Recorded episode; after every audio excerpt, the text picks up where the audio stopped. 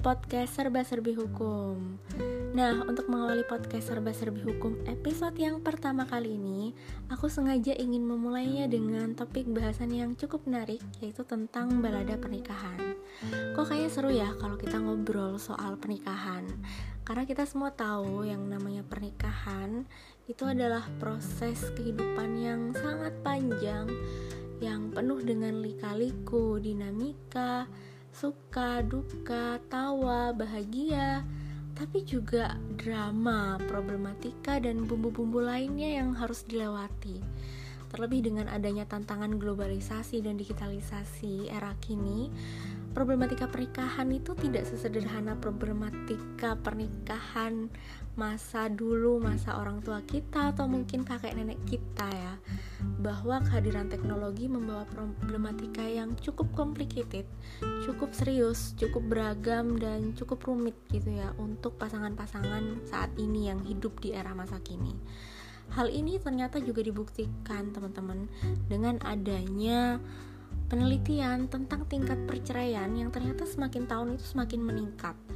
Jadi dari penelitian yang aku dapat nih di tahun 2015 perceraian itu mencapai 5,89% prosentasenya yang itu setara dengan 3,9 juta rumah tangga yang ternyata Jumlah ini meningkat di tahun 2020 dan peningkat, peningkatannya cukup signifikan yaitu 6,4% atau setara dengan 4,7 juta pasangan.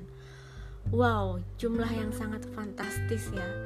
Yang tentunya kita tidak ingin menjadi satu dari jumlah yang ada di penelitian di tahun-tahun sebelumnya.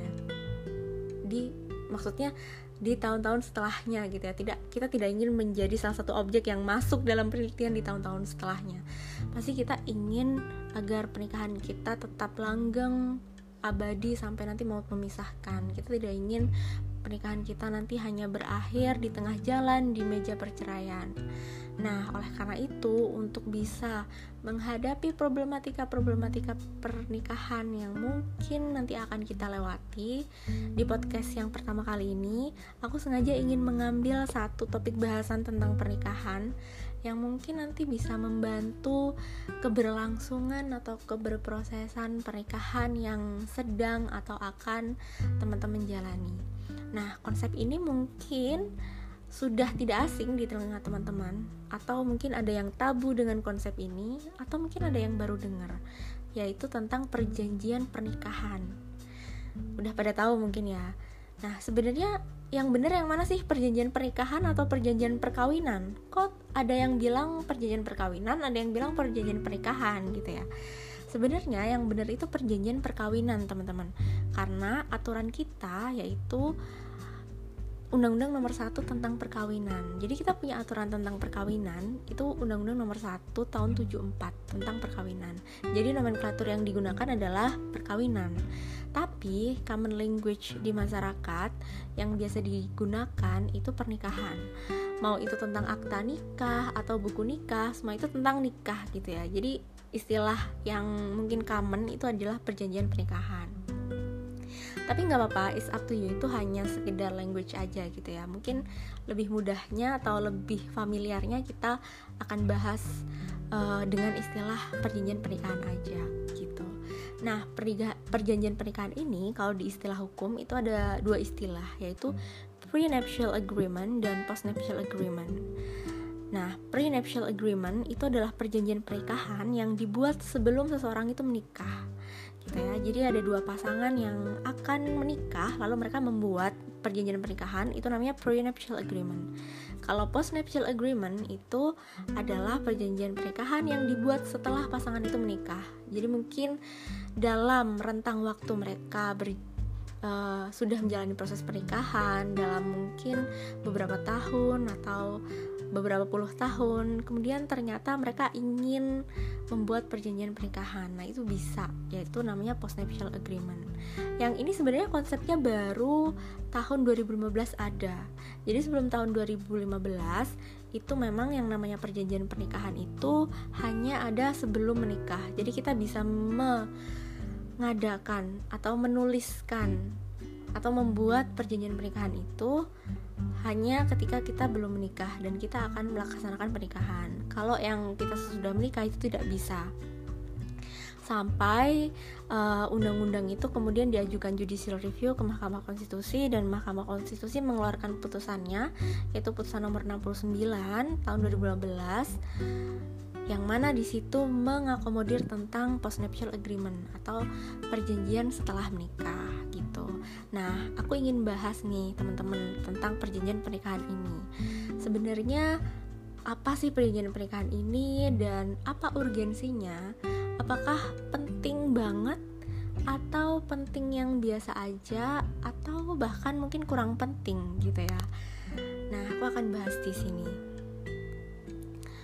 Oke, tapi sebelum aku bahas tentang prenuptial agreement dan postnuptial agreement, ada satu hal yang ingin aku bagi ke teman-teman yaitu bahwa dalam konsep hukum, pernikahan itu adalah sebuah perbuatan hukum. Apa sih itu perbuatan hukum? Jadi perbuatan hukum itu adalah suatu perbuatan yang ketika dilakukan dia akan menimbulkan akibat hukum. Akibat hukumnya itu adalah berupa hak dan kewajiban yang harus ditaati oleh seseorang yang melakukan perbuatan hukum itu gitu. Jadi misalnya ada dua orang yang menikah, kemudian secara administratif didaftarkan, maka setelah melakukan perbuatan hukum itu akhirnya menciptakan adanya hak dan kewajiban antar keduanya. Misalnya suami suami e, memiliki hak untuk menafkahi istri dan istri memiliki hak untuk melayani suami dan sebagainya. Ada hak dan kewajiban yang timbul dari perjanjian itu. Nah, salah satu uh, akibat hukum yang menarik banget dari adanya proses pernikahan ini adalah konsep tentang percampuran harta atau uh, persatuan harta. Jadi teman-teman di pasal 119 KUH Perdata, pernikahan itu menyebabkan adanya percampuran atau persatuan harta. Jadi yang tadinya istri dan suami sebelum menikah itu membawa hartanya masing-masing, ketika dia menikah, di tanggal dia menikah sampai seterusnya itu harta menjadi harta mereka berdua gitu. Walaupun nantinya si suami ini bekerja dan kemudian si istri ini hanya sebagai ibu rumah tangga gitu ya. Tapi e, harta mereka tetap harta berdua gitu ya. Harta yang diperoleh suami itu tetap harta istri juga gitu. Jadi walaupun nanti pada akhirnya mereka bercerai, tidak mungkin suami akan mendapatkan 100% dan istri mendapatkan 0% hanya karena istri tidak bekerja gitu. Itu sangat salah. Pernikahan menyebabkan adanya percampuran harta.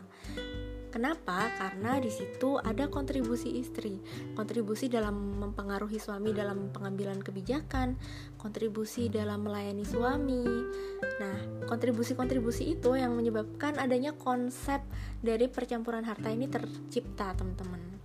Nah, mungkin itu landasan filosofisnya. Kenapa akhirnya ada konsep percampuran harta?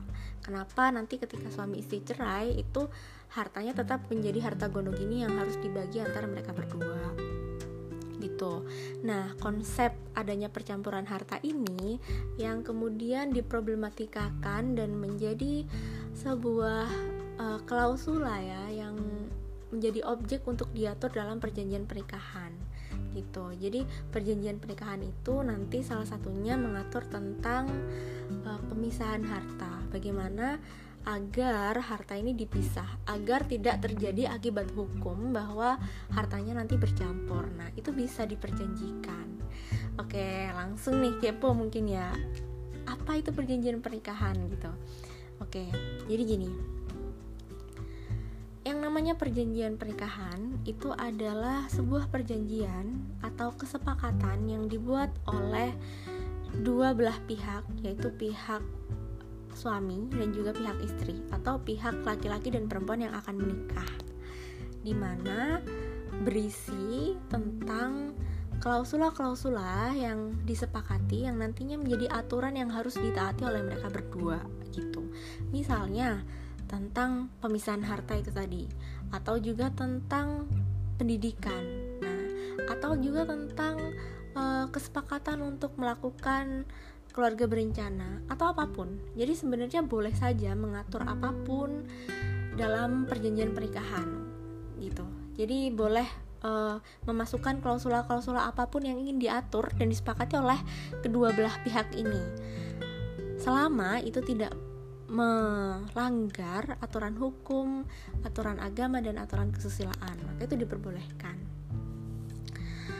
Nah, lalu kemudian apa sih urgensinya adanya perjanjian pernikahan ini? Terutama yang paling pokok diatur adalah tentang pemisahan harta. Sebenarnya apa sih urgensinya perjanjian pernikahan dengan mengatur tentang per pemisahan harta ini? Jadi teman-teman, Ternyata pemisahan harta ini ada beberapa manfaat yang nanti bisa diperoleh. Yang pertama adalah mengamankan harta dan juga aset dan juga hutang gitu. Jadi, ketika seorang suami dan seorang istri itu memiliki harta yang kemudian harta itu terpisah dan kemudian suami ini ingin melakukan atau hmm, mengajukan sebuah kredit di bank maka ketika nanti ada kerugian tentang kredit suami itu, ketika hartanya sudah terpisah, maka harta istri ini akan tetap aman. Jadi tidak akan menjadi jaminan yang harus dibayarkan untuk menjamin hutang si suami gitu. Jadi uh, perjanjian pernikahan dalam hal harta ini juga mengamankan harta salah satu pihak gitu. Jadi istilahnya kalau satu harta ini sudah terancam gitu ya, ada satu harta yang uh, menjadi uh, cadangan, jaminan yang tetap bisa dipakai gitu. Nah, ini bisa jadi konsep yang sangat berguna terutama untuk para pengusaha yang ingin mengamankan aset. Jadi ketika nanti suami ini mengalami kepailitan atau kerugian dalam perusahaannya, maka si harta istri ini akan tetap aman dan terlindung gitu, tidak menjadi sebuah jaminan yang harus dibayarkan untuk melunasi kerugian-kerugian perusahaan dari sang suami. Nah, uh, urgensi yang kedua juga terkait dengan pengambilan keputusan atau kebijakan, teman-teman. Jadi uh, selama ini aktivitas yang dilakukan oleh suami itu harus melalui kesepakatan atau keputusan dari istri. Misalnya dalam hal kredit, maka istri harus mengetahui karena hartanya bercampur ya. Kemudian dalam hal pengambilan keputusan bisnis, ketika di situ ada campur tangan istri, maka uh, dengan konsep harta yang bercampur itu ya istri juga memiliki hak ya, memiliki legitimasi untuk mengatur juga bagaimana bisnis suami. Nah, dengan adanya perpisahan atau pemisahan harta ini, maka uh, suami tidak perlu mempertimbangkan keputusan istri begitu.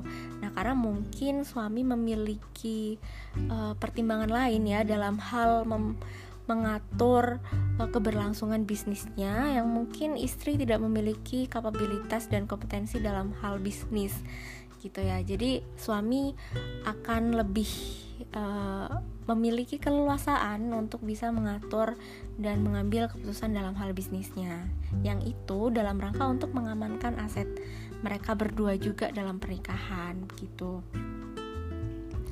Tapi teman-teman jangan salah kaprah ya. Dengan adanya perjanjian pemisahan ini Tidak serta-merta itu menafikan atau menghilangkan kewajiban seorang suami untuk menafkahi. Nah ini yang biasa salah kaprah. Jangan sampai ada perjanjian pernikahan Kemudian mindset yang tertanam adalah ya udah kamu kerja, uh, aku kerja, uh, ya udah aku pakai uang aku sendiri kamu harus pakai uang kamu sendiri dan aku terbebas dari tanggung jawab menafkahi kamu dan sebagainya. Nah itu konsep yang sangat sangat salah besar. Jadi di pasal 8, 48 KHI yang namanya perjanjian pernikahan itu tidak menghapuskan kewajiban seorang suami untuk tetap menafkahi istri. Yang itu juga dijelaskan dalam peraturan perundang-undangan yang lain juga ya. Ya, misalnya tentang undang-undang pernikahan di situ disebutkan hak kewajiban istri suami dan lain sebagainya gitu. Jadi tetap yang menjadi urusan rumah tangga anak dan lain sebagainya yang itu menjadi tanggung jawab seorang suami ya itu tetap harus dilaksanakan gitu. Kemudian urgensi yang ketiga perjanjian pernikahan itu juga bisa uh, mengamankan resiko-resiko tidak tampak yang lain gitu ya. Misalnya resiko-resiko nanti ada problematika dalam pernikahan yang tidak bisa ditolerir yang nanti akan menyebabkan perceraian dan sebagainya gitu ya. Ini akan memudahkan hakim juga untuk nanti uh, menyelesaikan problematika perceraian yang nanti ada gitu. Misalnya dalam hal ketika menikah kita belum terlalu kenal dengan calon pasangan gitu ya. Yang nanti takut akan ada banyak hal yang terjadi di depan yang mungkin ada eh, sifat-sifat uh, yang mungkin tidak bisa ditolerir atau apa pun ya itu bisa menjadi sebuah apa hmm, penjaminan resiko gitu ya. Jadi jadi bisa menjadi sebuah garansi yang nantinya kita simpan dan kita pegang ketika nanti resiko yang tidak diinginkan itu muncul. Tapi rasanya tidak mungkin ya yang namanya orang yang ingin memutuskan untuk menikah itu pasti dia sudah mempertimbangkan terlebih dahulu ya. Sudah menganalisis sudah mengidentifikasi dan mendeteksi gitu ya bagaimana sih sifat-sifat pasangannya ini gitu ya. Dalam hal dia mengambil keputusan dalam hal dia mm, menyikapi masalah gitu ya. Bagaimana kondisi psikologisnya kondisi emosial emosionalnya dan sebagainya gitu ya. Pasti sudah dipelajari terlebih dahulu sampai nanti memutuskan untuk menikah gitu jadi sebenarnya jangan digunakan perjanjian per pernikahan ini sebagai pisau yang nanti bisa digunakan untuk memotong kapan saja kalian mau gitu ya. Itu konsep yang sangat salah gitu ya. Jangan mentang-mentang kalian sudah mengantongi perjanjian pernikahan ini maka uh, permasalahan sekecil apa pun dalam rumah tangga itu bisa langsung dipotong begitu saja dengan pisau ini karena kalian punya senjata pisau ini. Itu jangan seperti itu juga gitu.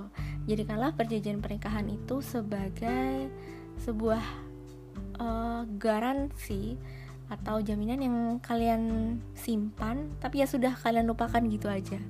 Yang paling penting adalah bagaimana kalian uh, terus bertumbuh, terus belajar bersama, menjalani proses pernikahan, dan yang lebih penting adalah berfokus pada kebahagiaan dan kelanggengan pernikahan kalian gitu, bukan tentang perjanjian pernikahan itu gitu.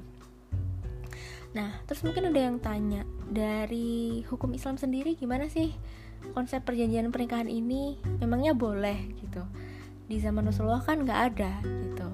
Nah, di dalam hukum Islam ada kaidah usul fikih yang menyatakan uh, yang mana berbunyi darul mafasid muqaddamun ala jalbil masoleh yang artinya mendahulukan suatu pencegahan atas kerusakan itu lebih baik daripada mengambil manfaat gitu. Jadi yang namanya mengambil uh, yang namanya mencegah kemafsadatan atau kerusakan itu lebih didahulukan daripada mengambil manfaat gitu. Yang ini bisa jadi salah satu upaya untuk bisa menanggulangi adanya kerusakan itu yang mungkin nanti akan terjadi di masa depan. Jadi boleh. Dan ini juga dilegitimasi oleh salah satu pasal di KUH eh di KHI Kompilasi Hukum Islam bahwa uh, ada dua perjanjian yang dibolehkan oleh KHI yaitu yang pertama adalah perjanjian taklik talak. Taklik talak. Yang kedua adalah perjanjian lainnya selama itu dibenarkan dan tidak melanggar hukum Islam. Nah, jadi perjanjian pernikahan itu termasuk dalam perjanjian lainnya itu tadi yang poin kedua yang itu tidak apa gitu ya, tidak melanggar hukum Islam. Selama itu tadi klausula yang dibuat itu tidak melanggar hukum Islam maka itu boleh. Nah jadi sudah paham ya, sudah mengerti apa urgensinya, bagaimana baiknya, dan apa saja kegunaannya gitu. Jadi mungkin untuk teman-teman yang saat ini punya banyak bisnis, punya perusahaan yang mungkin besar untuk mengamankan aset, hutang dan sebagainya, mungkin bisa memakai alternatif ini. Untuk yang mungkin merasa ini tidak urgen-urgen banget ya, jadi ya mungkin tidak perlu memakai alternatif ini. Karena yang namanya pernikahan kan juga dibangun atas trust juga gitu ya. Jadi sebenarnya yang namanya perjanjian pernikahan ini urgensinya ada di masing-masing uh, pasangan gitu ya. Kalau memang mau mencegah keburukan, mencegah kerusakan tadi seperti dalil usul fikih yang itu harus lebih didahulukan ya monggo silahkan. Tapi kalau memang sudah percaya dan itu merasa merasa tidak akan ada apa-apa dalam pernikahan gitu ya karena sudah sangat percaya dengan pasangan ya tidak perlu dilaksanakan juga tidak apa-apa. Atau nanti dilaksanakan pada saat setelah menikah dengan mengadakan atau membuat postnuptial agreement atau perjanjian setelah pernikahan. Begitu. Nah kita sampai di pembahasan yang terakhir yaitu bagaimana ketika kita ingin membuat perjanjian pernikahan. Nah jadi kalau teman-teman semua nanti mungkin ingin membuat perjanjian pernikahan itu ketika teman-teman saat ini dalam kondisi belum menikah maka bisa uh, membawa KTP dan KK dan mengajak pasangan tentunya untuk bisa ke notaris agar dibuatkan akta tentang perjanjian pernikahan ini. Jadi jangan sampai diwakilkan ya, karena yang akan tahu klausula-klausula apa yang harus diatur itu adalah pasangan gitu ya. Jadi harus ada konsen atau uh, kesepakatan juga dari pasangan itu. Jadi harus datang berdua gitu ya sama pasangan. Nah, nanti notaris akan membuatkan akta itu yang kemudian akta itu harus dibawa ke KUA atau catatan sipil tempat teman-teman nanti akan menikah begitu. Nah, kalau post nuptial agreement gimana? Sama. Jadi membawa KTP, KK dan tambahannya membawa buku nikah yang nanti dibawa ke notaris, kemudian uh, setelah dari notaris dibawa ke eh, KUA atau mungkin uh, catatan sipil ya untuk nanti dicatatkan gitu ya. Jadi harus dicatatkan. Nah ketika nanti ada perubahan keputusan misalkan tidak ingin uh, ada klausula-klausula yang ingin dihapus ya atau tidak ingin ada perjanjian pernikahan lagi maka itu nanti bisa dicabut ya. Jadi sifatnya juga fleksibel juga gitu Nah mungkin itu aja karena udah cukup lama ya ternyata 20 menit gak kerasa Semoga bisa bermanfaat untuk teman-teman yang sedang ingin menjalani proses pernikahan dan ingin tahu bagaimana sih tentang perjanjian pernikahan itu. Terima kasih banyak sudah mendengarkan. Sampai jumpa di podcast Serba Serbi Hukum selanjutnya.